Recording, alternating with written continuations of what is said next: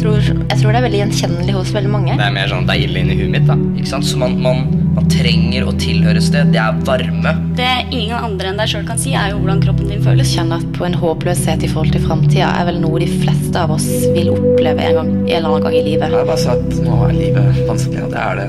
Det er nå. Dette er Hverdagssyken. Podkasten der Marius og jeg sammen med gjester fra hele landet tar for oss mental helse i hverdagen og de tabubelagte temaene der ute. Velkommen. og velkommen tilbake til Hverdagssyken. Og i dag er vi på trygg avstand, er det vel lov å si, fordi her sitter jeg i Oslo, på Mesh, og jeg har med meg sjølveste Arman Vestad fra Hvor er det du sitter, Arman? Hei, Jimmy. Jeg sitter i Trondheim, så på trygg avstand. Ja, det er vel lov å si at koronaen ikke har funnet veien gjennom det digitale bølger ennå? Helt riktig. Jeg håper det, i hvert fall.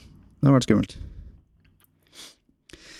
Eh, jo, så det vi skal snakke om i dag, og hvorfor du er gjest, det er jo ikke bare fordi du har delt din historie med oss eh, i The Human Aspect, det er også fordi at eh, du har jobbet med økonomi, og ikke minst opplevd selv både hvordan det er å slite med økonomi, hvordan det er å la økonomi på en måte ta over livet, men også nå de siste årene blitt veldig dyktig på og rett og slett jobbe med mennesker som sliter med økonomi, og selvfølgelig også spare penger, og finne en måte å kanskje komme seg gjennom litt tøffe tider på, da. Så du er rette mann å ha med seg, tror jeg, i dag. Ja, takk, Jimmy. Ja, jeg har, eh, har vært gjennom noen tøffe tak. Um, og jeg uh, har jo hatt millioner av gjeld, men det er jo helt tilbake til, til 2007.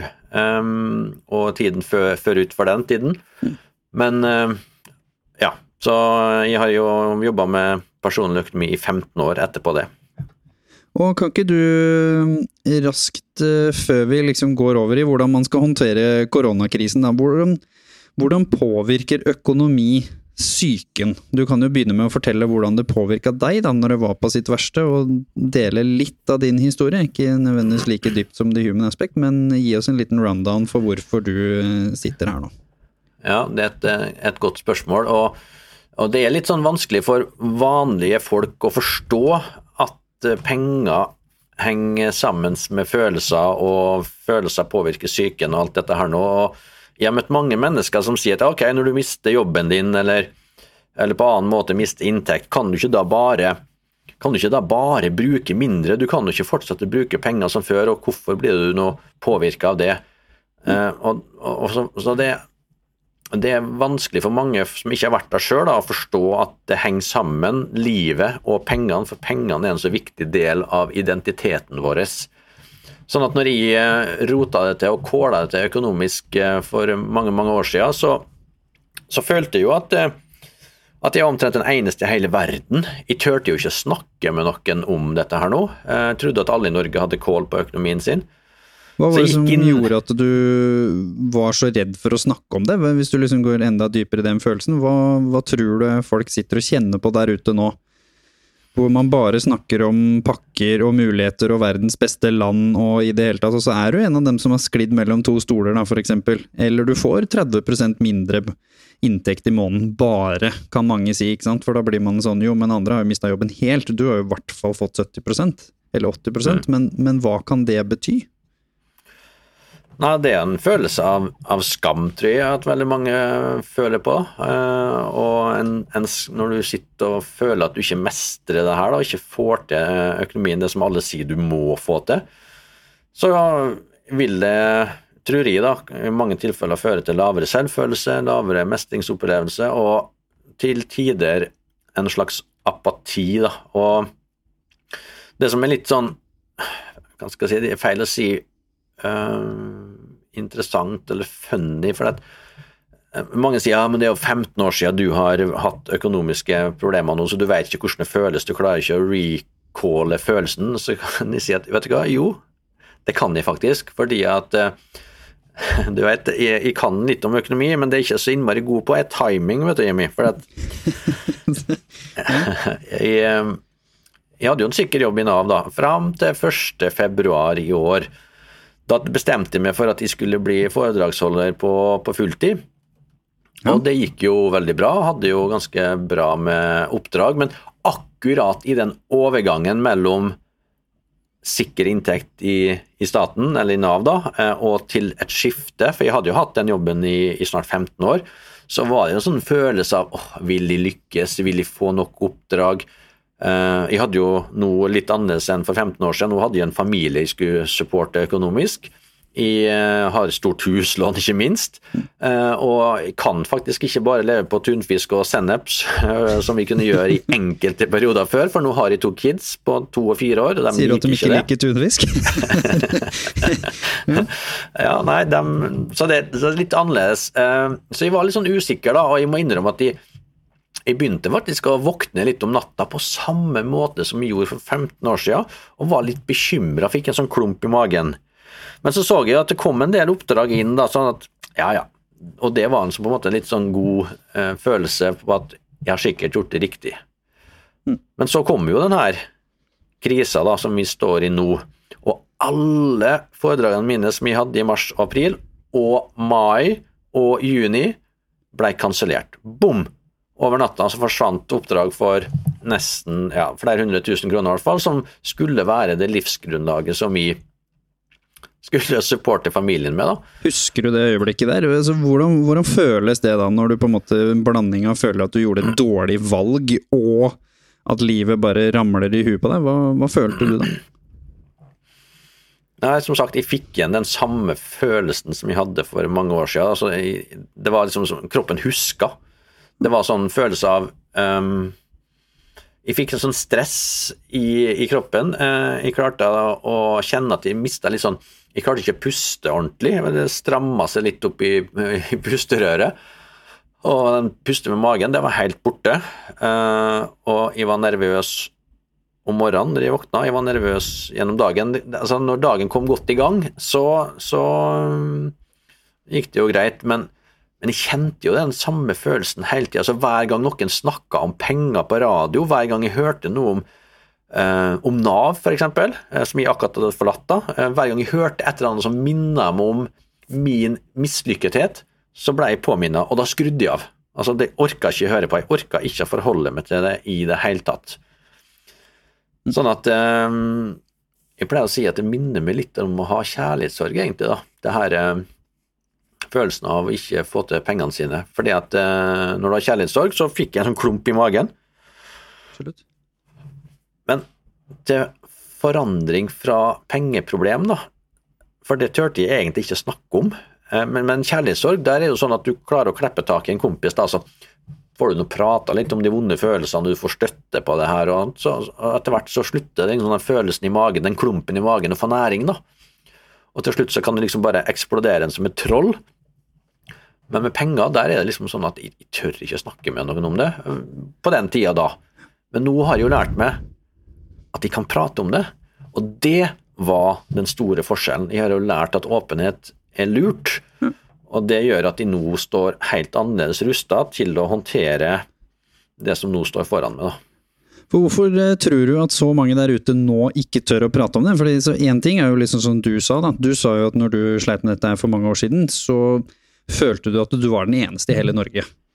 Det blir jo litt vanskelig å si til deg sjøl nå, at du er den eneste sånn i hele Norge, men jeg tror fortsatt veldig mange klarer å lure til seg en eller annen forklaring for hvorfor de er mer uheldige, eller hvorfor de har det verre, eller Altså Marius, eh, medprogramlederen her, forklarte jo det samme som deg. Han gjorde det samme som deg, slutta jo jobben sin litt før deg, da. han slutta i oktober.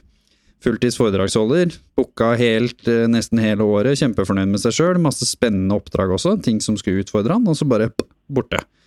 Og så sitter jo han da også og føler seg som den eneste i hele verden, og snakker vel egentlig ikke med noen om det andre enn da samboeren sin. Og da er du egentlig heldig, hvis du det hele tatt tør å snakke med samboeren din, på en måte. Så hvorfor tror du så mange sitter og kjenner på det nå, når de veit at gode 50% av Norge har fått økonomiske konsekvenser, om ikke nesten 100 Nei, det er et, eh, det er et godt spørsmål, men følelsen av ikke mestre livet, den, den, den er jo eh, til stede uansett hvor mange andre som måtte slite med det, tror jeg, da. Eh, og det å ikke da klare å gjennomføre målene sine, det, det, er, det er vanskelig. Men det er jo Jeg tror at det er lettere å ta opp ting som er vanskelig nå i denne krisa. Jeg vet ikke hvordan du tenker rundt det, Amy, men Burde være det, i hvert fall. Og så, ja. og så tenker jeg også litt sånn nå Det som kanskje er ekstra viktig for folk der ute nå, da, det er å, å holde litt på roen. Fordi, kan ikke du fortelle litt om det? Hva er det som skjer når på en måte panikken kommer? Fordi da har man en tendens til å gjøre veldig mye dårlige valg. For nå er det veldig mange som kjenner på panikk. De leser på VG hvert femte sekund for å finne ut om den pakka de trenger, kommer. De går inn og sjekker liksom alle mulige rare ting. Kanskje de drar fram kredittkortet før de har rekket å blunke. De gjør liksom ting som kanskje for deg, da, som, som er en ekspert, virker litt snodig. Som er typiske sånne emosjonelle avgjørelser i litt panikkmodus. Hvorfor Ja. eh, får vi litt sånn panikk, på en måte, når økonomien vår tar en smell og det blir så mye usikkerhet sånn som det er nå? Fordi det er jo egentlig ingen som vet når det går over. Nå håper vi og tror at dette går over i Norge relativt snart, men vi vet jo ikke. Nei, og det der er, en, det er mye eh, beslutninger som blir tatt basert på hvordan vi føler oss. Det er det ikke noen tvil om. Uh, og jeg har jo møtt, jeg har møtt mange mennesker i, som har ganske lav inntekt, men som har kontroll. Uh, og det å ha følelsen av kontroll tror jeg er ekstremt viktig her nå. Uh, og så har jeg møtt mange mennesker som har langt høyere inntekt kanskje enn gjennomsnittsmannen, som ikke har kontroll, og som bruker penger uh, uten å vite hva de bruker pengene på, som føler de mister kontrollen. Og den følelsen av ikke å ha kontroll, det er en ekkel følelse. Sånn at når jeg jobba i Nav, da, så, um, så var det dette her med ja, en person som kanskje da hadde en ytelse fra Nav som um, var tidsbegrensa. Han visste ikke hvor lenge det gikk før han kom i jobb igjen. Uh, livet var vanskelig. Um, visste ikke eh, om han var ettertrakta på arbeidsmarkedet når han eh, skulle bli ferdig rehabilitert eller få ja, var ferdig med arbeidsavklaringsytelsen sin, f.eks. Og det da å ikke vite hvor lenge dette her varer, altså det er ikke noe tidsbegrensning, det gjør at hva er egentlig poenget? Hva, hva er hellig på, hvorfor hellig på skal bruke Alle sier at de må bruke lite penger, men hva er poenget? Slik at du mister litt sånn motivasjon. Uh, og ja, det var et poeng der mot slutten der som uh, Ja, fordi at i en, i en vanlig situasjon da, hvor, hvor livet er ganske greit, så er det nok lettere å bruke mindre penger Enn når det er krise. enn når du er i krise. Så det jeg opplever da, at la oss si at du er i jobb, har utbetalt 25 000, eh, og klarer å leve fint med de pengene der, eh, og så mister du jobben, og så går du ned til 16 000. Eh, og det er mange sider som jeg har snakka med, de bruker da faktisk mer penger enn når de var i jobb, altså mer enn 25 000, enn etter, altså øh, når de da blir arbeidsledige. Slik at den, det inntektsfallet hvor du egentlig burde redusere utgiftene dine, ja, du blir heller motsatt. Fordi at livet er vanskelig. Og det å være en sånn superflink forbruker, da, altså lage maten fra bunnen av å koke krafta fra kyllingskroget og liksom gjøre det alle sier er så fornuftig og sunt og ernæringsrikt, eh, det krever litt mentalt av en. Absolutt, og ikke gode rutiner, og tid, ikke minst, og overskudd til å gjøre sånne type ting. Og ikke minst, de fleste av oss er jo kanskje ikke Jamie Oliver heller, da. Selv om jeg elsker å lage mat og har gjort det siden jeg var liten, så er det ikke mange vennekretsen min som er der matlagingsmessig at de kan begynne med sånne type ting. Og det Nei. krever litt erfaring. Det gjør det, og så krever det ikke minst det mentale overskuddet. da, fordi at for å sette det på spissen, da, hvis du er syk eller bekymra eller ute av jobb og ikke veit om noen har bruk for det, eller alle de her følelsene som utfordrer selvbildet vårt, da, mm. eh, så, så er det en del type ting som, eh, som gjør det vanskelig da, å liksom holde kostnadsnivået nede. Da er det lett å si ja, men vet du hva, jeg fortjener å dra på kino. Uh, nå er kanskje ikke drevet på kino i disse dager, da, men du fortjener et eller annet. Uh, slik at du er eksponert for en del markedskrefter som gjør at du tar en del beslutninger som du ellers ikke ville gjort. Og jeg har et Og, det her er ikke enkelt, for jeg har, det er sånne dilemma vi står i. Og et eksempel, som jeg kan fortelle deg et eksempel her nå, det var en person som hadde akkurat kommet ut fra fengsel og hadde fått kontakt igjen med ungene sine og flytta inn i et nytt nabolag.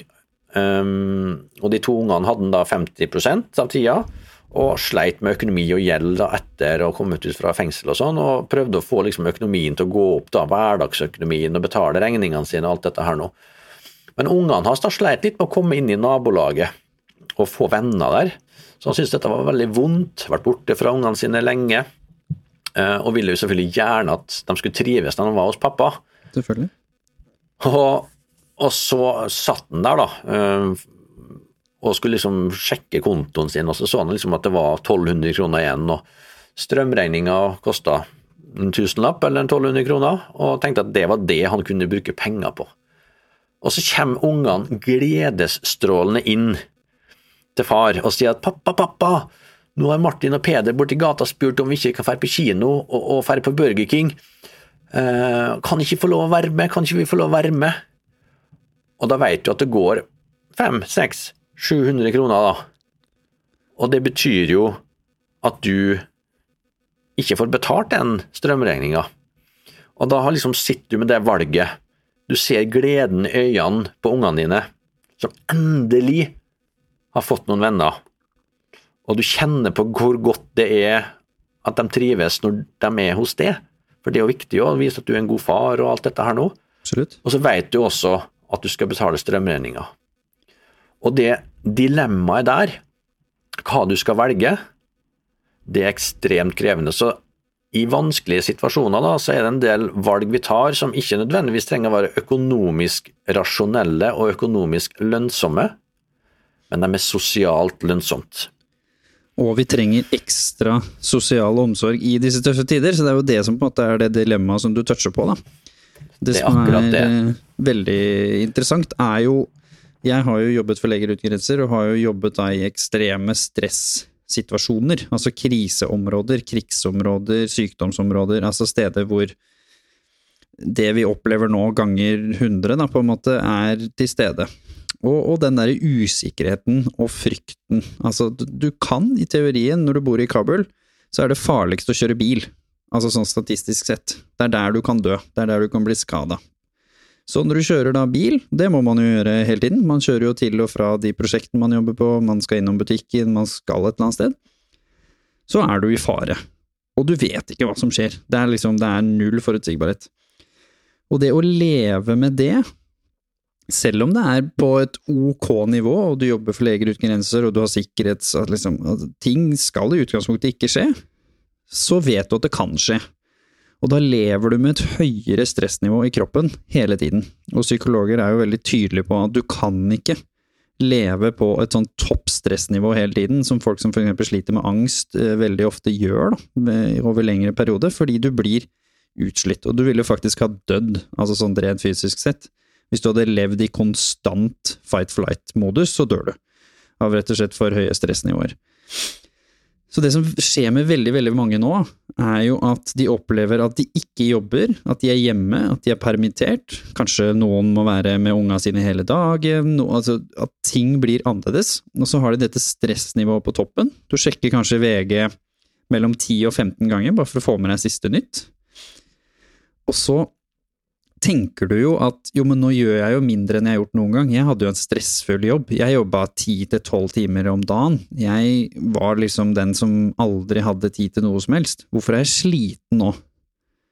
Og så begynner du å bli sur på deg sjøl, fordi at du er sliten når du gjør mindre. Du tenker jo, men nå skal jo jeg være uthvilt. Nå er jeg ikke på vekkerklokka om morgenen, jeg sover til jeg våkner. Altså, nå henger jeg jo bare med unga mine, liksom, hvor vanskelig kan det være, på en måte? Jeg er jo egentlig den jobber med en viktig avgjørelse hele tiden, jeg leder kanskje, eller jeg jobber på et stressa, altså et eller annet sted, så tenker du, så begynner du å beat yourself down, fordi du ikke veit at dette lumske lille stresset som ligger i bakhudet ditt, er på nesten hele dagen. Og du blir utslitt av det her hvis du ikke er bevisst på det, og hvis du ikke tar veldig konkrete handlinger for å endre det. Og som du da sier, så vet vi jo at hvis du er emosjonelt nede, så vet vi fra kjærlighetssorg, som du nevnte så fint i stad, at du blir jo ikke nødvendigvis noe logisk klokere i en kjærlighetssorgsituasjon. Så når du da kanskje er i en sånn føler deg dårlig situasjon, føler deg mislykka, usikkerhet på toppen av det, er i en situasjon som du er uvant Det er ikke at du ikke, ikke liker unga dine, men når du plutselig må bli barnehageonkel eller tante, og det ikke er jobben din, og du ikke er vant til det, og må være inne i tillegg, så kan det hende at dette blir et ekstra stresselement, selv om det også kan være veldig hyggelig stort sett eh, mellom slaga, selvfølgelig.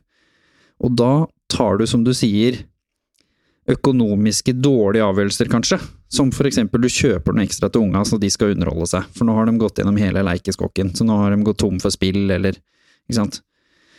Eller du kjøper ekstra god mat, for du tenker jo, men nå skal vi jo kose oss, nå er vi jo hjemme, sant, så blir det plutselig lørdag hver dag. Og de små tinga der, hvis du øker kostnaden for da middagen din med noe så enkelt som 50 kroner om dagen, for da en familie, så skal du ikke være noen hjerneforsker for å skjønne at det blir fort penger, ikke sant? Det blir jo da plutselig 500 per tiende dag, og da er du plutselig oppe i 1500 kroner i måneden. Og hvis det varer bare 50, da, hva med den ene dagen hvor du plutselig bruker 300 kroner, eller hvor du kjøper takeaway, så blir det 800 kroner ekstra, eller du dro på Burger King, som du sier da, for å kjøpe til kidsa, og så baller det på seg, og så har du kanskje brukt en mellom 5000 og 10 000 kroner mer enn når du hadde jobb, som du sa. Og da begynner det å bli utfordrende, når du har 20% mindre inntekt, og du bruker 20% mer. Det er en dårlig, dårlig plan. Så det er litt sånn som er tanken for veldig mange nå, da, tenker jeg. At uh, man kjenner veldig på det her stresset. Og så gjør man mye dårlige avgjørelser, rett og slett.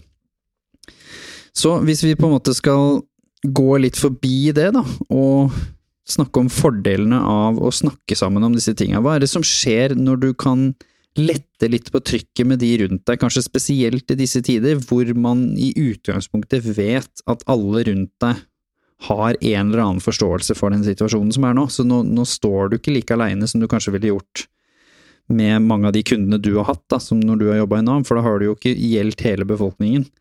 Og vi bor jo nå i verdens rikeste land, som folk eh, sier, så da er det jo det å være en som ikke får til livet i Norge, er kanskje ekstra tøft, mens nå får jo veldig få til livet akkurat nå. Så det er kanskje litt lettere. Så hvordan kan man snakke om økonomi egentlig, Arman? Nei, for min egen del um, Jeg har lyst til å bare kommentere helt avslutningsvis det du sa, sa litt uh, i sted. Um, for den, den, situasjonen som vi nå står i, den, og som jeg sto i, den, den kjente jeg holdt på liksom å ta kvelertak på meg. Ja. Sånn at jeg, jeg, jeg, bestemte meg ganske kjapt da, for at jeg måtte ta litt sånn kontroll over ting.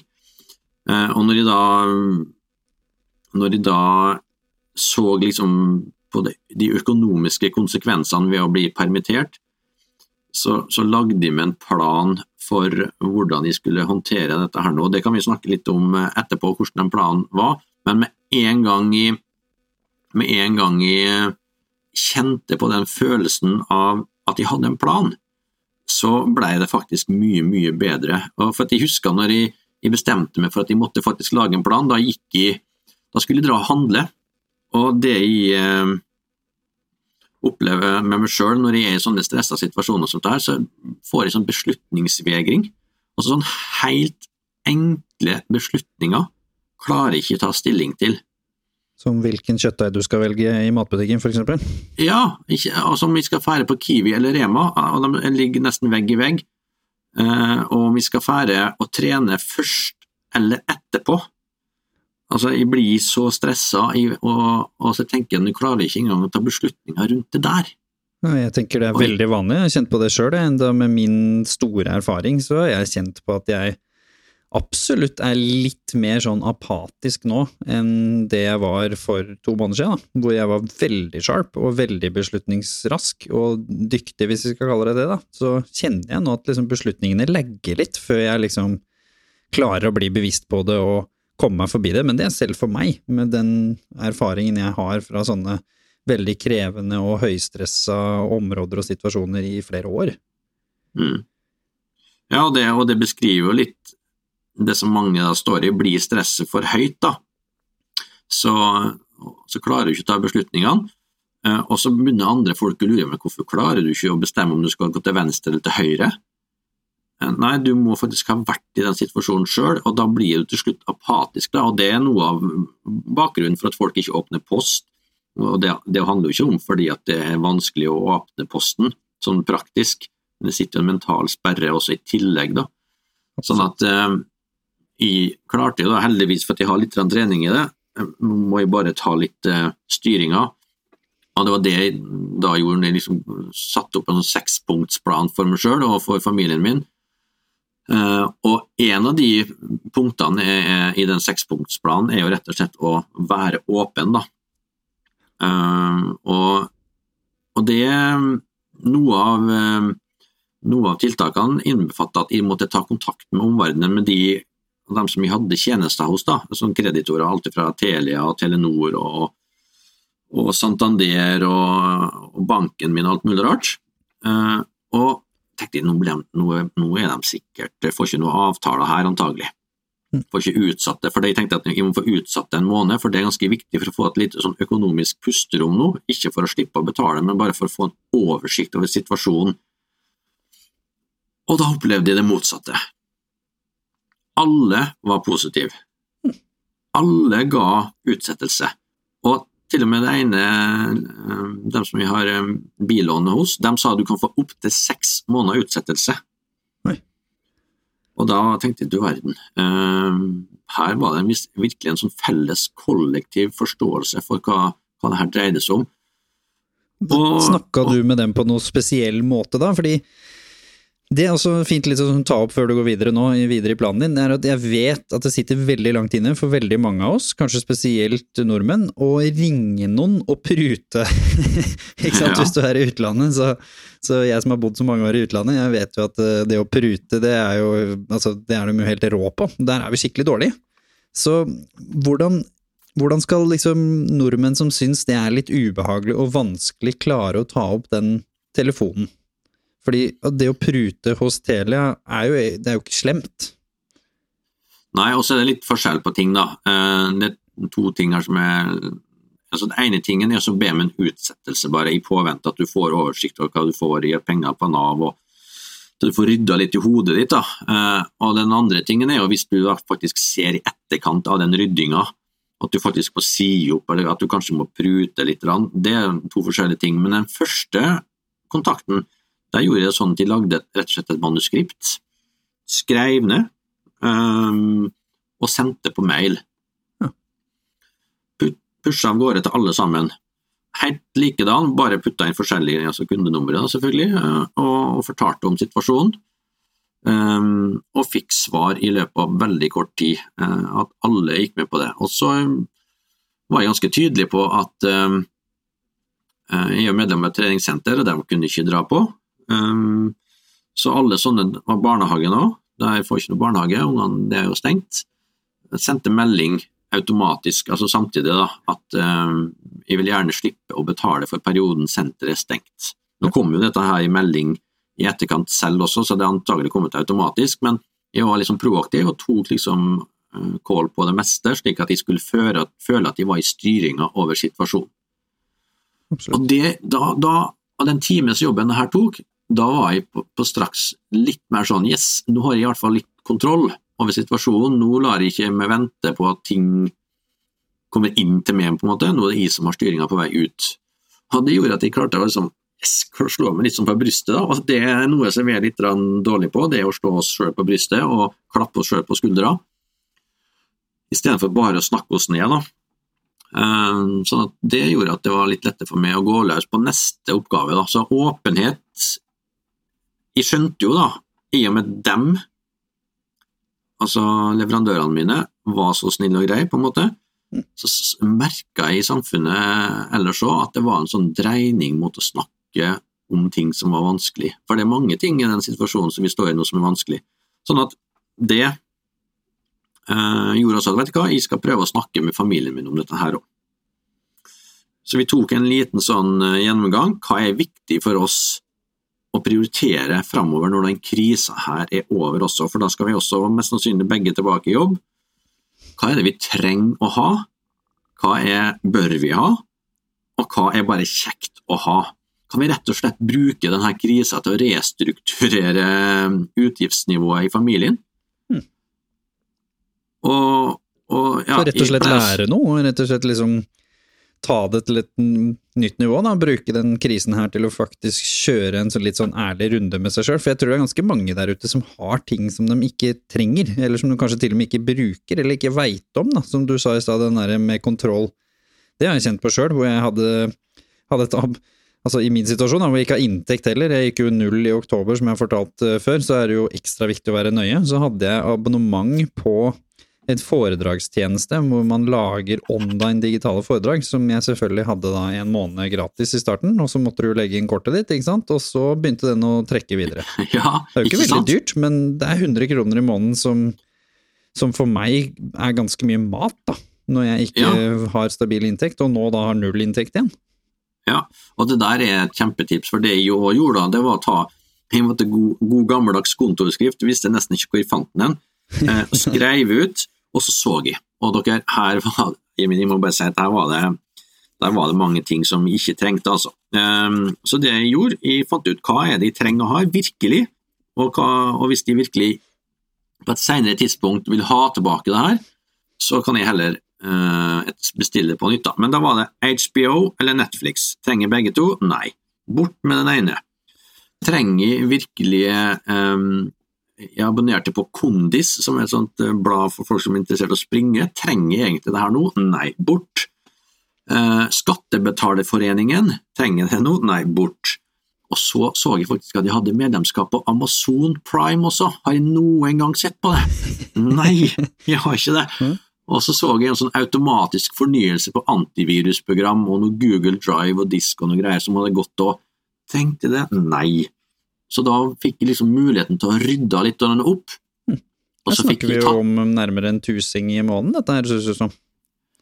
Ja, bare på de her småplukkene, ja, men i tillegg så gikk jeg gjennom resten. Strøm, bank, forsikring, og bare på forsikring, på to forsikringer, eh, som var eh, bil og eh, bil og hus, så betalte jeg 14 000-15 000 i året, og bare ved å ringe til mitt eksisterende selskap, så kutta han 2500 på 10 sekunder. Ja, men jeg skal ordne litt her, pam, pam, pam, pam. Ja, nå har det gått ned 2500. Bare Og det var sånn før.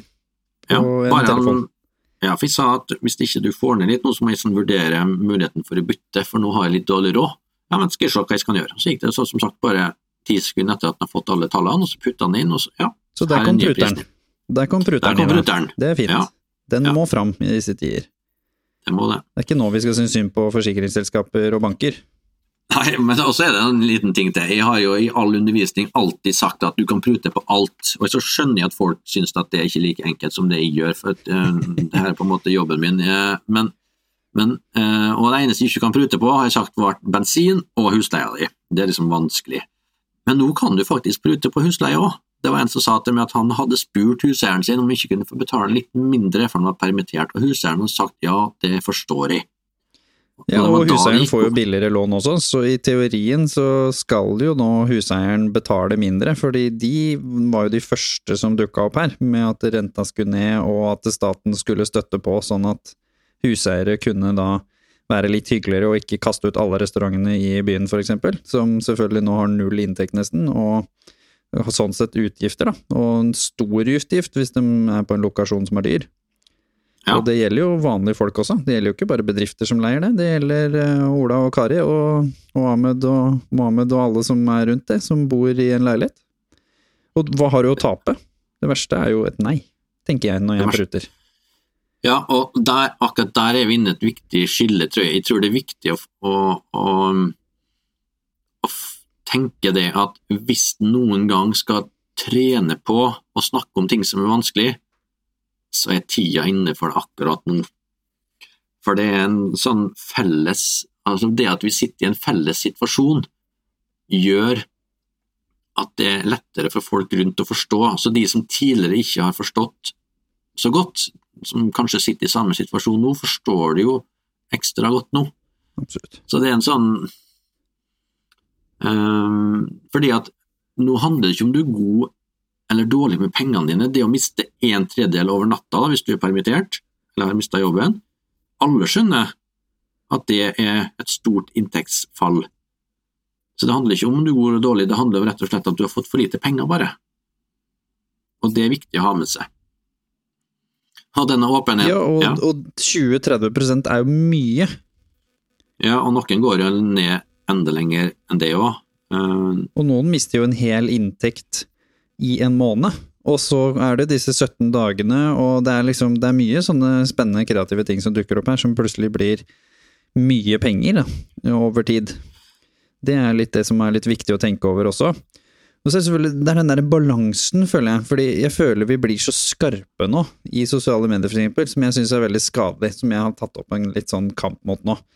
Og det er at du har de som sier og tenker at jo, men herregud, går du konk etter en måned, liksom? Eh, går du personlig konkurs? Klarer du ikke å betale husleie? Har du ikke spart opp?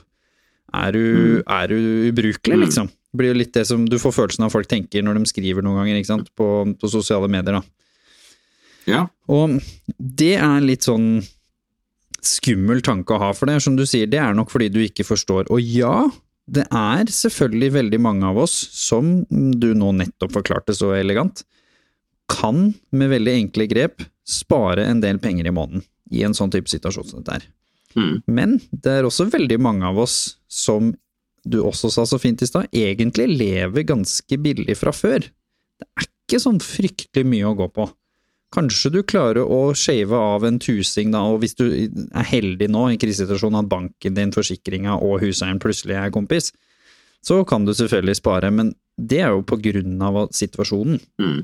Så hvis det ikke hadde vært på grunn av det, og med en gang det går over, så er jo den der julenissestemninga der over. Mm. Så det er en litt mer skummel situasjon enn det folk tenker. Og så tror jeg også at mange kjente på den frykten du snakka om i stad, med noen av de som kom til deg i Nav, som kjenner litt på den at jo, men får jeg jobb igjen nå, når det begynner? Mm. Fordi hvis du er 50 pluss da, og har blitt permittert, og bedriften din starter opp igjen, La oss si korona er ferdig i Norge pluss minus om en måned, da, og så begynner vi å trappe opp. Så da vil det være en to-tre måneder etter det, hvor det blir opptrapping, men fortsatt litt strenge regler. Sånn for eksempel fly kommer sikkert til å være sist. Mm. Restauranter kommer nok til å måtte vente litt. Eller må få halvparten av bordene sine kan de bare bruke, liksom. Altså det kommer til å være konsekvenser som kommer til å vare en stund. Mm. Og da er det jo ikke sikkert at de trenger alle ansatte igjen. Og det er jo ikke noe krav til å ansette alle sammen igjen. Nei. Og da kan vi komme i en litt sånn halvkinkig situasjon som jeg tror mange sitter og kjenner på, og da er det lov å synes litt synd på seg selv, eller ha litt usikkerhet rundt det, fordi det er ikke bare å gå og finne seg en ny jobb hvis du har jobba på samme sted i 20 år, og du ikke får den stillingen tilbake. Nei, det krever mye. Det gjør Ja, det. og Nav-systemet er jo ikke, det vet jo du bedre enn noen andre, Nav-systemet er ikke rigga til de 300 000 arbeidsledige som de plutselig må deale med nå, når ting åpner igjen. La oss si halvparten av dem får tilbake jobben, da. Da er det 150 000 nye, i hvert fall, som kommer til å måtte gå inn i Nav-systemet. Mm. Det er ikke det systemet rigga for. Nei, det er um, Nå vet vi jo at Nav jobber jo uh, virkelig for å bare sikre at folk får penger. Så det, det er jo ikke noe slags uh, tiltaksvirksomhet noe vil jeg tippe i hvert fall, uten at jeg kjenner detaljene fullstendig. Nå er det jo bare mest å få pengene ut, slik at folk overlever. Uh, og når det her Som sånn sett er riktig. Ja, ja, selvfølgelig. Men, men ja, som du sier, det får jo konsekvenser, fordi da er det jo veldig mange som egentlig får masse fine tiltak av Nav, som egentlig handler om både den psykiske og økonomiske helse, som de nå mister. Som for eksempel eh, deg, da. Å ha en rådgiver som det du var. Mm. Hvis jeg mista deg nå, men jeg er ikke sånn sett påvirket av krisen, for jeg var allerede i Nav-systemet, så jeg får samme sum, men så mista jeg rådgiveren min. Mm. Så nå begynner jeg å gjøre dumme avgjørelser igjen. Så nå begynner jeg å bruke 2000-3000 mer jeg, i måneden fordi jeg syns synd på meg sjøl, og folk rundt meg er litt krise- og panikkmodus, og da er det plutselig konsekvenser for det også, som ikke vi snakker om, og som ikke vi ser. Ja, det, jeg tror at eh, Jeg er jo optimist eh, av natur, eh, men jeg så jo det at eh, før krisa så var det mange som eh, hadde brukt for mye penger, eh, og som kommer til å slite enda mer nå hvis de blir permittert. Og så har du jo alle de som eh, fra før kanskje hadde bare deltidsstilling, og som ikke hadde så veldig godt utbetalt, som blir permittert nå òg, og som kanskje sliter med å få seg jobb igjen. Eh, Det er klart at eh, det vil, når høsten kommer, så er jeg eh, da, da tror jeg at Nav må, og andre òg må ha må være forberedt på det som kommer, da. Og økonomi Ikke minst bedriftene. Ja. Bedriftene må ta mye av det ansvaret her, fordi, eller løftet i dugnaden, fordi hvis ikke de tar ansvaret, og jeg kjefta jo litt på storbedriftene i forrige episode, hvor jeg var litt krass, og det mener jeg fortsatt, at jeg syns det var trist å se at de første som permitterte store deler av sine ansatte, bortsett fra flybransjen, som vi skjønner, fordi de basically har jo ikke noe å holde på med, og restaurantbransjen ble jo tvunget til å holde seg med. Alle andre som ikke trengte å permittere folk, som kan ha folk jobbende hjemmefra, de også permitterte. Mm. Fordi nå så de muligheten til å få pengene og slippe å deale med problemet og slippe å være kreativ, og slippe å finne nye løsninger. Som for eksempel å la folk jobbe på nye businessløsninger, eller la de ansatte hjemme hos deg gå gjennom det papirarbeidet som de aldri har tid til å gjøre i en måned, ikke sant? Mm. Det var rett på permittering. Ja.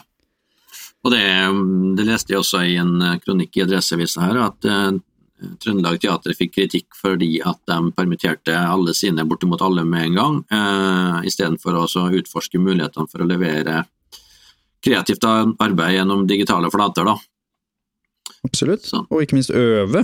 Altså, teater og skuespillere må jo øve, så det er jo ikke farlig å øve nå heller, så lenge man holder da de trygge hygieneavstandene, for eksempel. Da. Nei. På soloforestillinger eller forestillinger hvor det ikke er så mange på scenen av gangen, så er jo ikke det å øve på dialoger og sånn umulig nå, så da kunne man heller ha funnet en mulighet hvor man heller gikk ned på lønn, da. Gikk til 50, og Nav tar 50. Jeg følte liksom alt ble kasta over til staten, og hvor alle de glupske på toppen var raskest på, mens de som er de mindre bedriftene, det var der vi så de godhjerta handlingene. Mm.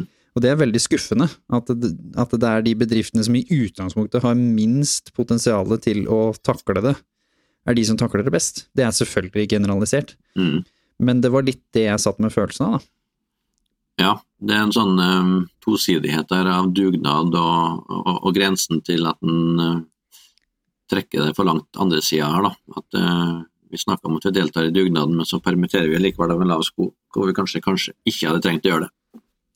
Absolutt. Og sånn sett kunne unngått deler av panikken, da, og hjulpet veldig mange, tenker jeg. Ja, og det Men ja. Ja, nei, fortsett. Nei da, det, det var eh, en, bare en liten tilleggskommentar i forhold til eh, Jeg tror at det som jeg sa innledningsvis, at så lenge folk føler at de har kontroll over økonomien, så klarer de ofte å leve på en, en litt mindre sum i en periode, tror jeg.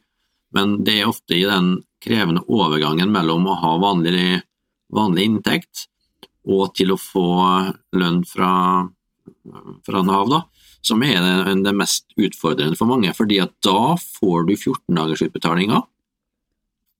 Ikke nok med at du får, eh, har en mindre inntekt fra f.eks. 25 000 til 16 000 i måneden, så får du faktisk utbetalt de 16 i 14 dagers utbetalinger, og som da er rundt 8000.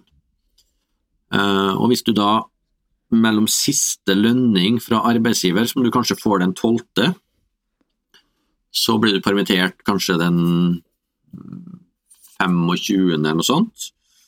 Så får du en liten lønn fra arbeidsgiver i neste måned. Eh, Men så får du ikke svar på Nav-søknaden din før etter en god stund. Så nå kan du riktignok søke om dag, forskudd på dagpenger også, da.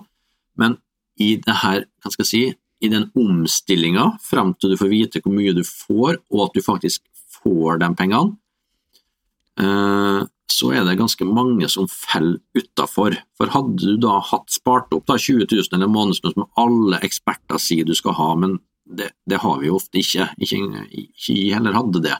Og Hadde vi hatt litt sparepenger, så hadde vi selvfølgelig kunnet bare brukt dem i påvente av at du skulle komme deg i posisjon. Men når du ikke har det, da, så den, kan den overgangen bli veldig, veldig hard. Fordi at når du har første 8000 kroner eh, i den første 14-dagersperioden, så skal jo den mest sannsynlig gå til å betale husleie eller boliglån. Absolutt, og da er jo det borte. Da er det borte, da har du ikke penger til mat. Det er veldig få som har under 8000 i husleie eller boliglån. Ja, og da har du ingenting igjen da, til å kjøpe mat og betale strømregninga di heller. Og så må du låne noe kanskje med noen kompiser. Eller familie. Eller Mastercard, eller Mastercard. som er eh, der veldig mange går. Eller til og med forbrukslån, som har jo fått mye kritikk de siste åra. Ja. At eh, nordmenn har ekstrem forbruksgjeld. Ja. Og da er du liksom der da at uh, når neste 14 dagers kommer igjen, så kommer husleie på nytt. Og da skal du jo tilbakebetale det du har lånt, da, enten om det er forbrukslån eller, eh, eller familie. da. Så ikke at, da kommer du liksom aldri i gang. Hadde du kommet i gang, så tror jeg at det hadde vært lettere å leve på de 8000. Men, og det her viser jo også en del forskning, da, at de som får store gjeldsproblem, de får det i overgangene mellom arbeid og, og, sykdom, eller arbeid og arbeidsledighet. Altså i situasjoner hvor du mister inntekt, basically. Ja, det kan jeg si sjøl, det er fra min egen erfaring. Jeg gikk jo fra en veldig godt betalt jobb, altså i vanlig forstand, jeg var ikke noe rik, men jeg hadde liksom en godt betalt jobb til å være såpass ung som jeg var, og så var jeg jo alene, så jeg hadde jo ikke noen voldsomme forpliktelser uten at jeg eide noe, da. Og så gikk jeg over til Leger uten grenser, som da har en Altså, jeg gikk fra Jeg tror jeg hadde utbetalt et eller annet sted mellom 35 og 40, til at jeg fikk utbetalt 11. Mm. Og jeg brukte jo veldig mange av disse pengene til å spare, så det er jo noe av grunnen til at jeg har overlevd frem til nå, liksom. Men det som var, er at du plutselig ting du ikke har tenkt på, som for eksempel at jeg gikk og handlet i matbutikken og kjøpte det jeg hadde lyst på. Jeg var ikke noe flashy eller prangende eller kjøpte masse dyre ting, men jeg kjøpte det jeg hadde lyst på. Jeg tenkte ikke nødvendigvis over om det var da en fin biff denne gangen, eller om det var veldig ferske, gode grønnsaker og frukt, som jeg er veldig glad i, eller om det var noe på salg. Og så var det liksom ikke så viktig for meg, og så kjøpte jeg og sparte på de store tinga, ikke de små. Men plutselig, når jeg da hadde 11 000 utbetalt, som er jo da mindre enn de 16 du får i dagpenger. Mm. Så var plutselig historien noe helt annet. Fordi da måtte jo jeg begynne å spare de små tinga, ting som jeg ikke nødvendigvis hadde tenkt så mye på før. Da var det viktig for meg, som du sa i stad, skal jeg på Rema eller skal jeg på Kiwi? Hvor får jeg faktisk billigst? Og jeg endte opp med å gå begge deler. Altså, jeg gikk på Kiwi og kjøpte de tingene jeg visste var billigst der, og så gikk jeg på Rema og kjøpte det som var billigst der. Mm. Og da begynner det å bli krevende også kapasitetsmessig. Da blir du jo sliten av det òg, å gå og tenke på hvor skal jeg handle mat. Mm. Og så til bli gründer, da, hvor man har null.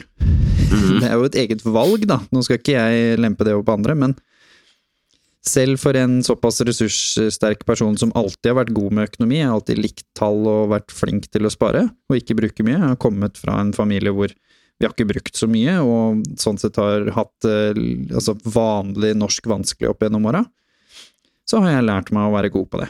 Men selv for meg da, så blir den overgangen tung. Så hvis jeg nå, sånn som jeg gikk inn i nå, mista alle oppdrag Nå har jeg måttet virkelig gå ned i, på å si, gamle notatboka om hvordan, hvordan leve billigst mulig. Og jeg utrolig takknemlig for at jeg har levd veldig, veldig billig i tre og et halvt år. For nå ble det ikke noe overgang for meg. Nei. Jeg har levd billig nå i altså, ja, tre og et halvt år, så det var faktisk helt greit. Og da kom ikke den klumpen i magen som du snakka om, da, som kom første gangen. Mm. Eh, når de overgangene her var i mitt liv, så den, den kjenner jeg veldig, veldig godt til. Men hvis vi nå på, på slutten skal du få lov å, å ta mesteparten av styringa her nå, dra oss gjennom resten av planen din. Så først så gjorde du disse småsparingsgreiene. Så tok du kontakt med de store utgiftene du har, og fikk noen rabatter. Og så snakka du om det med familien. Men hva var resten av denne her sekspunktsplanen? Ja, det var. Men det her var litt, eh, litt sånn spredd, eh, spredd utover. Men jeg kan jo bare ta de seks punktene. Det, det første punktet er egentlig et skaff med den økonomiske pusterommet som trengtes. Eh, Det er et begrep som heter 'ikke bruk mer penger enn du har'. Men akkurat i den perioden her, da, hvor jeg liksom ble permittert, så tenkte jeg at nå, skal, nå handler det om å ikke bruke penger. Er ikke, de pengene du har, skal du faktisk verne om. Ehm, og da var det sånn at ok, hva har jeg faktisk i, i, i skapene mine, og i kjøleskapene mine, og i fryser og alt mulig rart? Og det viste seg at jeg hadde masse mat. Uh, og masse av det her kunne kombineres til middager. Ikke alt av, det som var igjen til slutt, uh, var tydeligvis middager jeg hadde laga før, eller, men, men poenget var at det var mye næring der som gjorde at de slapp å bruke penger på mat, i hvert fall ei ukes tid. Og jeg kunne sikkert fortsatt også. Um, og der tror jeg at det prinsippet om ikke bruke penger, bruk det du har, og nå var ikke tida inne for å kjøpe klær eller begynne seg tilbud eller, eller noen ting. Altså, som, som sønnen min en gang sa, når han var 13 år, og det er ikke for å fremme at han var så innmari flink, sånn, men han hadde en sånn veldig fin forklaring når jeg prøvde å søke støtte med han, eh, for at jeg har lyst til å kjøpe en jakke til 50% rabatt. Og da sier han at ja, den var billig, pappa, og den var fin, men enda billigere å la være. og da, da, Ja. og da klart at da Visdom fra barnemunn. Visdom fra barnemunn. Um, og det er jo noe som er sant, da. Selv om det er billig eh, 40-50-60% så er det enda billigere å ikke kjøpe det. Det er 100% rabatt, det. Det er det jeg sier til de vennene mine som er veldig gode. De, de er veldig gode til å skryte når du har kjøpt noe på salg. Ja. Og da, da må jeg le litt av dem, fordi de sier 'nå sparte jeg penger'. Mhm. Og så blir jeg sånn nei, nei, nei, nei, nei, nei. Nå må du rydde litt i vokabulæret ditt. Du har ikke spart penger, du har jo brukt penger. Men du har valgt å betale mindre for noe som du ikke trenger, eller kanskje trenger. Så du sparer penger hvis du sparer på strømregninga di, fordi du må betale strømregninga di, mm. men du sparer ikke penger hvis du kjøper et nytt par sko som du ikke trenger. Da må du rydde litt i, i vokabulæret ditt. Ja, men jeg er helt enig, og det er lett å falle i det grepet der, da, for du hadde så veldig lyst på det. Så det er punkt, Absolutt. punkt én, da. Um, og punkt to er at du nå da får penger fra Nav, um, og at du da passer på at du har en regningskonto og en driftskonto, eller en brukskonto, da. Og da må du regne ut hva er det du får av penger i Nav hver 14. dag, og hva er det du har av utgifter, og ut fra den nye situasjonen sette opp en oversikt, eller et budsjett da selvfølgelig, og se ok, det her går faktisk ikke opp det. Hva er jeg nødt til å gjøre nå? Ja, da er jeg nødt til å redusere en del utgifter, og det er da en begynner å ta tak. HBO, Netflix, hva må ut? Og du må da rydde til det her budsjettet går i null. Eh, Men da må du også tenke på at du kanskje her kanskje ikke betaler barnehage i en periode, du betaler ikke treningssenter, slik at du også har det klart for deg. Og når du da har fått det til å, å gå i null, så syns jeg også at det er på tide at en kan gå gjennom alle avtaler som en har. Og det, det jeg har gjort da med strømmen min f.eks., det er at jeg har en strømleverandør som har prismatch. Det vil si at de får den billigste prisen som den billigste i toppen på strømprislistene. Så hvis de går inn på strømpris.no, så kan de se at hvem som ligger på toppen. Den leverandøren jeg har, leverer prismatch, sånn at det jeg gjør da, istedenfor å bytte strømleverandør hele tida, for det er jo forskjellige folk på toppen som bytter fra måned til måned, så sier jeg bare til min strømleverandør akkurat nå i, denne, i dag, altså den sjette hver måned gjør jeg dette her, så om noen dager så skal jeg gjøre det. I dag så er det denne leverandøren som er billigst, jeg vil gjerne ha denne prisen, Uh, og da får jeg det hele tida. Ei setning, For det er noe man må gjøre. Det er også sånne ting som folk kanskje glemmer, ikke sant. Når du bestiller den og, og kjøper ny strøm av den her uh, veldig overbevisende personen som du kjøper på gata fra, eller som ringer deg, så sier jo de 'få prismatch, det er kjempelurt'. Og så tenker jo du da at ja, men da matcher vel de bare prisen hele tiden? Nei, nei. nei, de gjør ikke Det det. er et valg du må gjøre. Ja, så det, i sted, det jeg gjorde før, da, var fordi at de jobba med dette her nå, det at de bytta til den som lå i toppen hver måned. Eh, og det skjønner jo, det er bare for spesielt interesserte, for det er jo lokketilbud og alt mulig rart. Men akkurat nå så kan du benytte deg av de lokketilbudene, fordi at når du da bruker den leverandøren som har prismatch, så går du bare på toppen og ser på lista, der er det nok mest sannsynlig et lokketilbud, men da får du den prisen hos din leverandør, så slipper du på å bytte. Og de siste månedene så har da, den som har vært i toppen hele tida, har at vi gir det ja, 10-20 øre per kilowattime. Altså du får faktisk billigere strøm enn de betaler sjøl for det, og da får du det til gode også. Så det var en fin greie. Pluss den forsikringa, pluss at de pruta med banken, i tillegg til at banken også satte ned renta, selvfølgelig. Og suddenly så var det faktisk noen tusen spart hver eneste måned, og avdragsfrihet i banken i tillegg. Ja, for det er sånn første storsteg som er veldig lett å få til nå, fordi bankene har vel fått ganske krass beskjed av myndighetene at der må de være litt uh, rundere i kantene enn det de vanligvis er. Ja, her, men her synes jeg at du faktisk kan være enda tøffere med banken også, for det å få avdragsfrihet i banken, det koster dem ingenting, de kjenner jo mer på det. Absolutt. Så det, det for dem som allerede har avdragsfrihet, eller som ser at avdragsfrihet ikke er nok, for å få denne balansen til å gå opp, så kan du faktisk spørre banken din om å få hoppe over betaling. Altså ikke betale renta også. Der er de litt strengere, men eh, hvis du har betalt ned litt på lånet ditt eh, fra før, som du mest sannsynlig har gjort da, og du har litt å gå på i slekke i forhold til det du skrev inn på gjeldsbrevet, hvis gjeldsbrevet står på 2,4 og du har nå 1,8 f.eks., ja, så kan du få hoppe over noen betalinger til du kommer tilbake igjen i jobb. da. Så det er greit å, å, få med seg, og at alle andre selskap, til og med kredittkortselskap, leasingselskap, gir utsettelser. Men pass på at ikke dette blir en sovepute, for du må jo betale det her på et eller annet tidspunkt senere.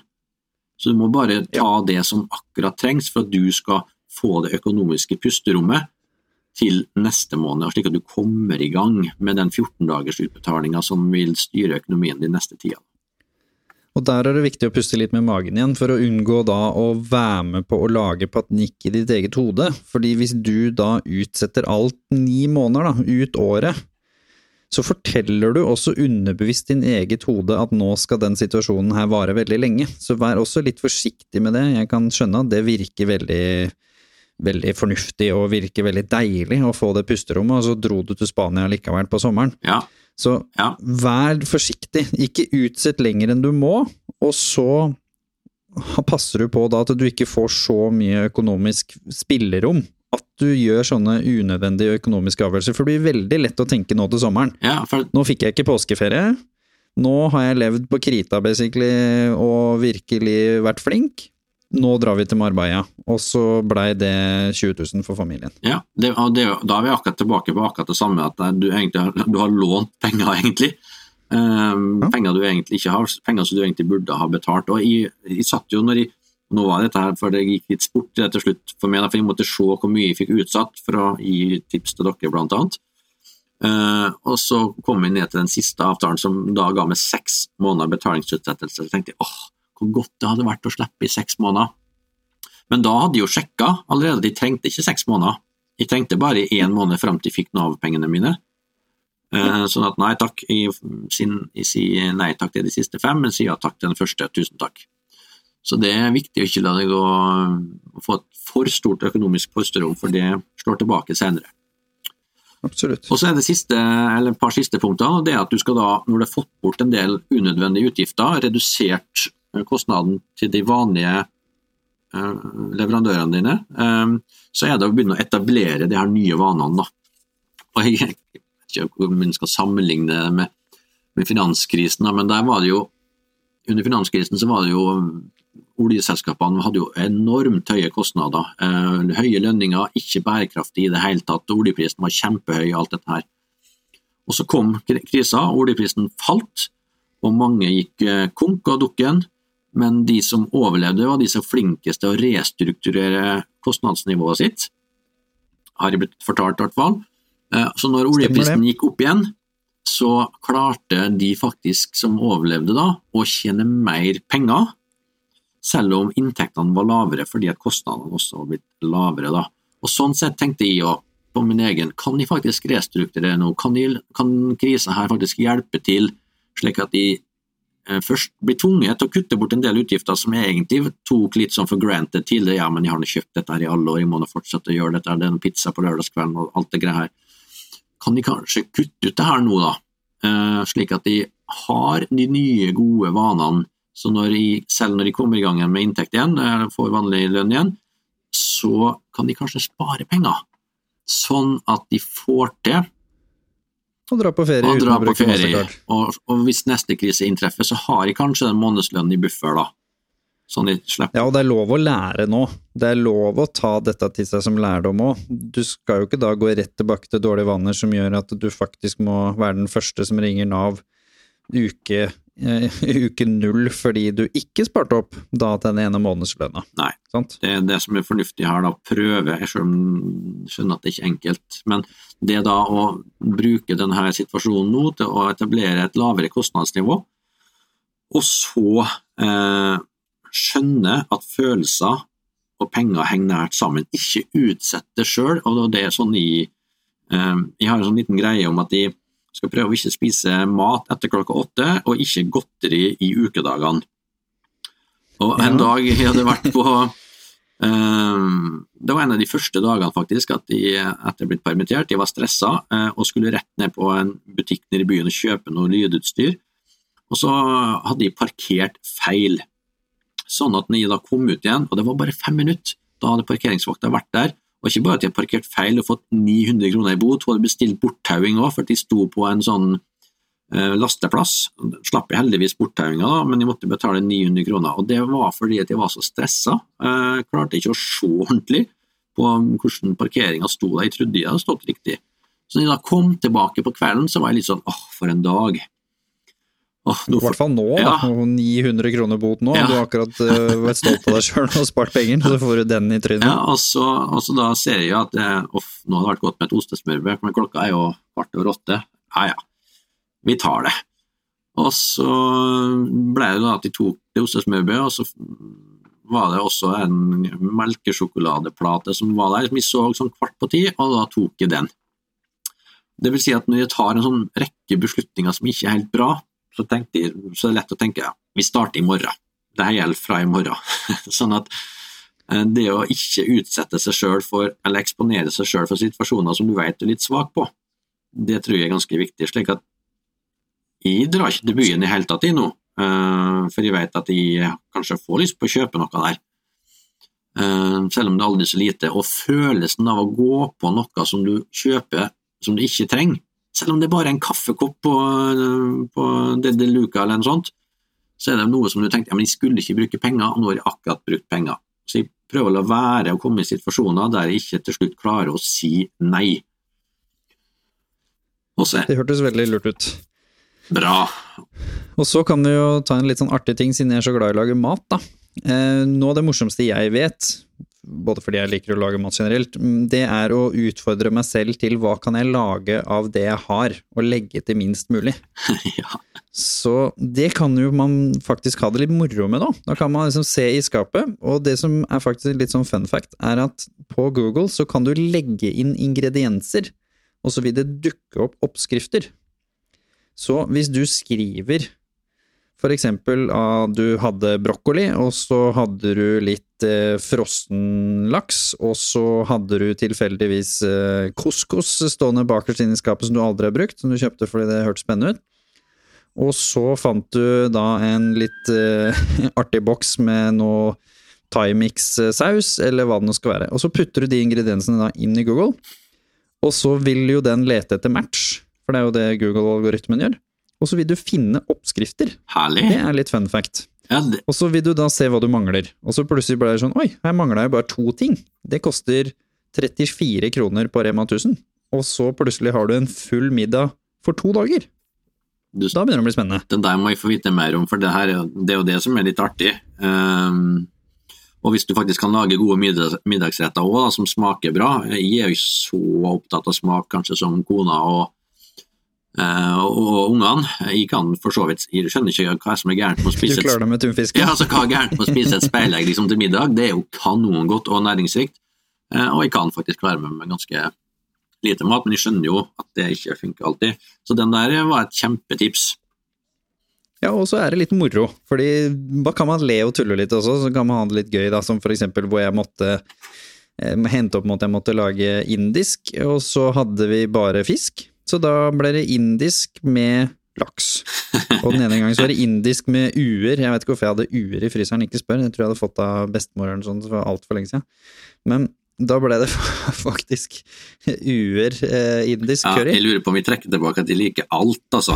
Eh, Det var faktisk ganske godt. ja, okay. Men man må jo tulle og le litt også, Ja. og så dukker det opp da ting som innimellom var skikkelig godt. Eh, skal slenge på et siste tips her før vi runder av.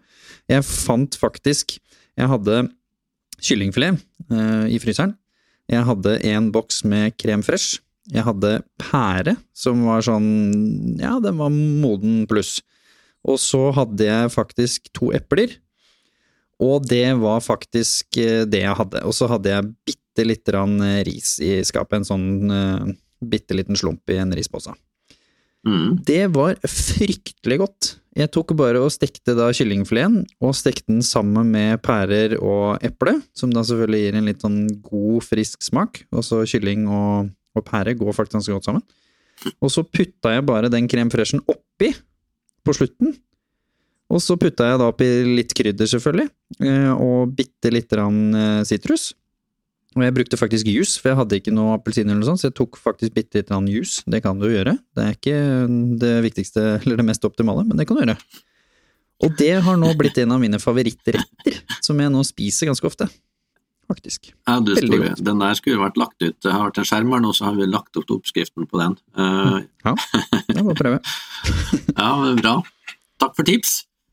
Jo, bare hyggelig.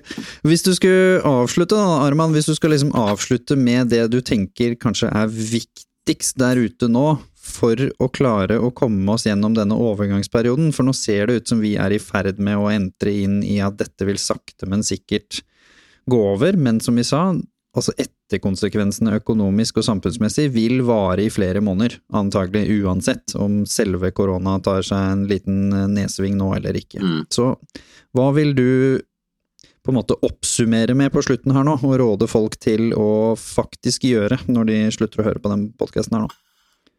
Ja, det er et eh, godt spørsmål, men, men det er litt sånn, ikke sikkert det blir så kort svar det her, men jeg skal prøve. Eh, Jeg håper i hvert fall at krisa kan hjelpe til, og det tror jeg faktisk det kommer til å bli, altså at forbrukssamfunnet eh, får en litt annen utgave i etterkant. At det ikke blir sånn jag etter å kjøpe seg ting eller reise hit og dit, alt dette her nå slik at det blir enklere også for dem som kanskje ikke har så veldig mye penger, eh, og at det, at det skal bli en større åpenhet i samfunnet, at eh, for eksempel sånn hvis de sliter med pengene mine, skal kunne klare å si til mine kamerater, vet du hva, eh, jeg har ikke råd til å dra til Hemsedal eller til Oppdal i helga eh, og kjøre slalåm kunne ikke vi ha bare tatt en tur i den lokale bakken eller funnet på noe annet? Mm. Og de da har sagt ja, selvfølgelig, eh, det forstår vi godt, så det er fint å si fra. Eh, jeg følte det egentlig på samme måte sjøl, så det er bra at noen tar ansvar for det. At, en kan klare å ha dette her til sine venner, men at en også klarer å ha dette her i familien sin, for all forskning viser at vi snakker ikke om økonomi med våre nærmeste. Så hvis vi da klarer å få snakka om ting rundt økonomi, rundt kjøkkenbordet, og tenke at det her er liksom Å bruke den krisa vi står i nå, til å begynne å hva skal jeg si, få opp ferdighetsnivået for å snakke om ting som er vanskelig, slik at det på en gang senere tidspunkt òg, at vi kan ta de her samtalene oftere. Da tror jeg at eh, vi har kommet et langt steg på vei, da. Så hvis det skulle være noe jeg skulle oppfordre folk til, så er det å prøve å begynne å snakke med andre om dette her med økonomi. Spør hvordan andre har det. Hvordan, hvordan har du takla den krisa vi står i? Hva har du gjort? Har du gjort noen gode tiltak? Har du måttet endre noe? Og fortell litt om, om sin egen situasjon og hva som har skjedd der. Så det å tørre å trene litt på dette her nå, det tror jeg er en, en fin en, eh, en fin anledning til å, å gjøre nå. Og så er det selvfølgelig å ikke kaste bort penger du egentlig ikke trenger å gjøre. Og det vil si at du trenger ikke å altså, Ta et sånn grelt eksempel. da, Om du har strøm fra Hafslund Energi eller fra Trønder Energi, det spiller ingen rolle hvem av dem du har. Begge leverer like god strøm. Altså, den er ikke varmere, den fra Hafslund Energi. Du kjenner ikke forskjellen. Oi, det her er en Det her er, havs, det her er dårlig strøm. Og sånn er det innenfor alle typer eh, produktområder vi kjøper, om det er mat eller om det er klær. Jeg skjønner at det er forskjell på kvalitet innimellom, men er det virkelig verdt å gå konkurs for å ha det siste innenfor alt? Altså Prøv å bruke nå muligheten til å eh, finne ut hva som er bra og billig nok, og kjenne på følelsen Absolutt. av å ha kontroll. Så er det litt sånn fun fact med mat, da. Jeg er jo veldig opptatt av smak og, og mat, og, men det som er litt morsomt, er at folk noen ganger legger litt ekstra på, som for eksempel hvis du lager taco og likevel bruker tacomix, som er dette krydderet du putter oppå, som for så vidt ikke er det mest økonomiske å kjøpe, så jeg kan anbefale deg å lage den sjøl, men det er en annen historie. Men hvis du da bruker karbonadedeig fra den lokale slakteren versus å bruke kjøttdeig som er billigere, så skal du være ganske sharp i tunga di før du faktisk smaker forskjell. Og jeg har gjort noen eksperimenter på dette her, bare litt på gøy, fordi jeg hadde noen venner som var veldig på at jo, det smakte de forskjell på, og selvfølgelig så lurte jeg dem når jeg da lagde mat. Så retter hvor du ikke skal sitte og smake på på en måte hovedingrediensen sånn eh, veldig nøye, og du da selvfølgelig ikke kjøper noe dårlig produkt som er dårlig for deg, så finnes det alternativer som faktisk koster ned i halvparten, da, hvor karbonadedeig og kjøttdeig er et veldig godt eksempel, men også på frukt og grønt, hvor du da noen ganger tror at First Price avokadoen smaker helt annerledes når du skal lage guacamole, for eksempel, eller putte den i smoothien. Mm. Ikke kom og fortell meg at du smaker hva slags type avokado du bruker i smoothien din, altså, for da, da tror jeg du lurer både deg sjøl og meg ganske, ganske godt. Så at man tør å tenke seg litt om på de tinga der nå en liten periode, og at man kan gjøre kloke valg. Kanskje mitt beste sparetips, som jeg var veldig god på når, når jeg virkelig måtte, da, i den overgangen her, som jeg sa, det er å spare på de store tinga. Hvis du liksom kjøper Bremyk på Rema 1000 eller på Kiwi, det har ikke noe å si. Det er én krone, to kroner, kanskje. Men om hvor du kjøper frossenfrukten din til den smoothien som du lager hver dag uansett, eller hvor du kjøper eksempel inn da risen din, eller store produkter, eller vaskemiddel, som fascinerende nok er der hvor du kan spare fryktelig mye penger. Mm.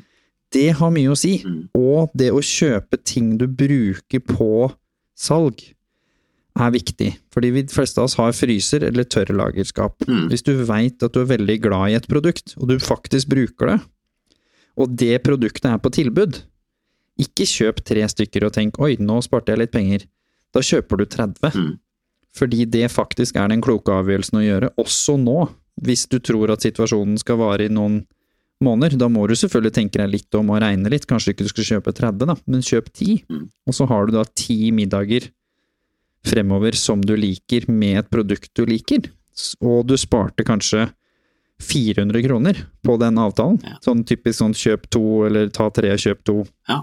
Betal for to som Rema 1000 eh, skinke, for eksempel, da. Eh, kalkunskinka deres, så er det jo den dealen. Ja, jeg er helt enig, og det, det gjør jeg sjøl også. Eh, spesielt når det er kanskje karbonadedeig på tilbud, toalettpapir. Men jeg har, en, jeg har, en, regel på det som jeg tror er greit å føye til. For jeg er jo bare et menneske av kjøtt og blod, jeg også. vi er, eller som Per Fugelli sa, vi er alle feil, født, født feilgods, var det ikke noe sånt han sa i utgangspunktet? Det hørtes sånn ut. altså, Altså det at um, jeg passer på å ikke kjøpe ting som øker forbruket mitt fordi at det er billig. Og da er det sånn, hvis Pepsi Max er på tilbud, så kan de faktisk kjøpe uh, Nei, så kan de faktisk bruke mer Pepsi Max fordi at de vet at de har ekstra.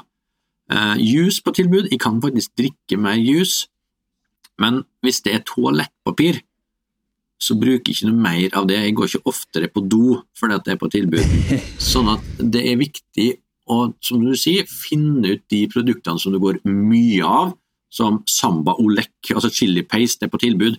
Det spiller ingen rolle om du kjøper for 9 eller 12 kroner, men alt det du bruker mye av, eh, der er det viktig å følge med, og passe på samtidig at ikke det øker forbruket ditt, for da går vinningen opp i spinninga. Absolutt. Og veldig fint å avslutte med det som du også sa, fra min side også. Det å, som jeg har sagt så mange ganger, det er å spørre hvordan folk har det, og faktisk vise ved kroppsspråket ditt at du er interessert i å høre svaret. For husk at 80% av kommunikasjonen kommer fra kroppen. Mm. Så hvis du spør hvordan jeg har det på vei inn på do, eller på vei ut døra, så kommer ikke jeg til å være ærlig med deg hvis det går litt uh, trått. Da kommer du til å få det korte svaret. Det går bra, hva med deg? Bra, ha, ha en fin kveld, da. Mm. Ha en fin kveld, da. Så tør å vise nå da enten med kroppen eller digitalt, da, siden de fleste av oss ikke burde være så tett på hverandre, at du er interessert. De siste dagene nå så har jeg ringt et familiemedlem eller en venn på vei hjem fra jobb. Da veit jeg at jeg har sånn røfle regna mellom 12 og 15 minutter på vei hjem. Mm. Så ringer jeg et familiemedlem, og så spør jeg hvordan det går. Og så sier jeg til dem nå er jeg på vei hjem, jeg ringte deg for jeg tenkte jeg skulle høre åssen ståa er. Da veit de også at nå ringer jeg dem fordi jeg er på vei hjem. Mm. Så da blir de ikke skuffa heller når jeg sier du, nå må jeg inn og lage noe middag, men det var skikkelig hyggelig å, å høre at det går greit, eller at det går bra, eller Ja, kan snakkes mer i morgen, eller hva det skal være. veldig bra tips. Og som en avslutning til det, hvis du skal det jeg av og til gjør og i tillegg, det er at de, de kan ringe dem opp igjen dagen etterpå, eller to-tre dager etterpå. Litt sånn oppfølgingsgaranti, kaller jeg det. Fordi at da vet de, når du ringer tilbake, at du faktisk har tenkt på dem i mellomtida også. Hvordan går det i dag også?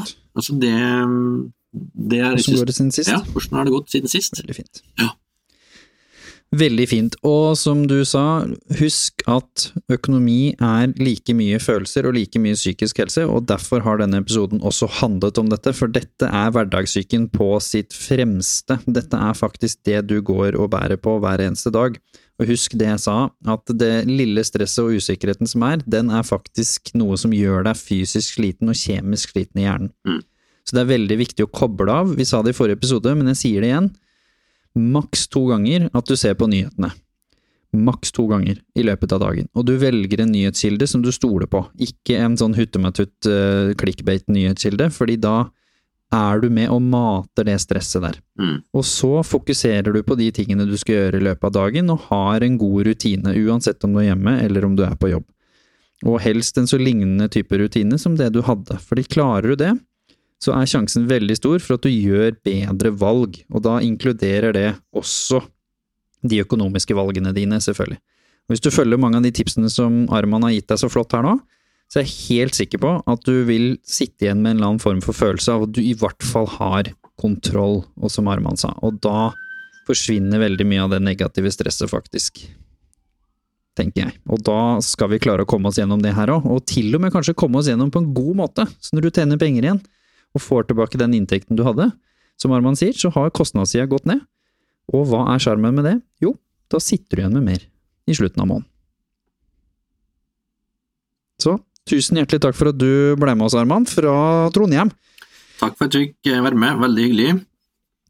Og ikke minst, hvis dere lurer mer på Arman, så vet dere hvor dere finner han. Vi tagger han overalt, og han er veldig flink til å dele både tips og følelser og andre typer ting. Så, og ikke minst er en veldig dyktig foredragsholder som kan snakke om dette her både for bedriften din, og har selvfølgelig nå i disse dager åpne digitale events hvor du kan være med og lære enda mer. Så det er veldig viktig å følge opp også, så hvis dere vil ha holdt på å si Arman i mobilen eller Arman eh, med seg rundt som en liten støttespiller digitalt, så vet dere hvor dere finner han. Tusen takk til Mesh, som eh, låner oss utstyr i disse tøffe dager hvor vi ikke vil ha eh, studio, og takk til deg, Arman, som sitter sporty i Trondheim. Da er det bare å fortsette å være gode med hverandre og prøve så godt man kan å ta gode avgjørelser der ute. Og husk, del denne podkasten her. Hvis du ikke er med og deler og sprer den, så kan du ikke være med å hjelpe andre. Det er veldig mange der ute som trenger disse gode, flotte tipsene fra Arman. Så tusen takk for at du hørte på, og si fra hvis det er noe du vil vi skal snakke om, da, eller noe vi skal ta opp. Spørsmål tar vi imot med glede, folkens. Ha det bra!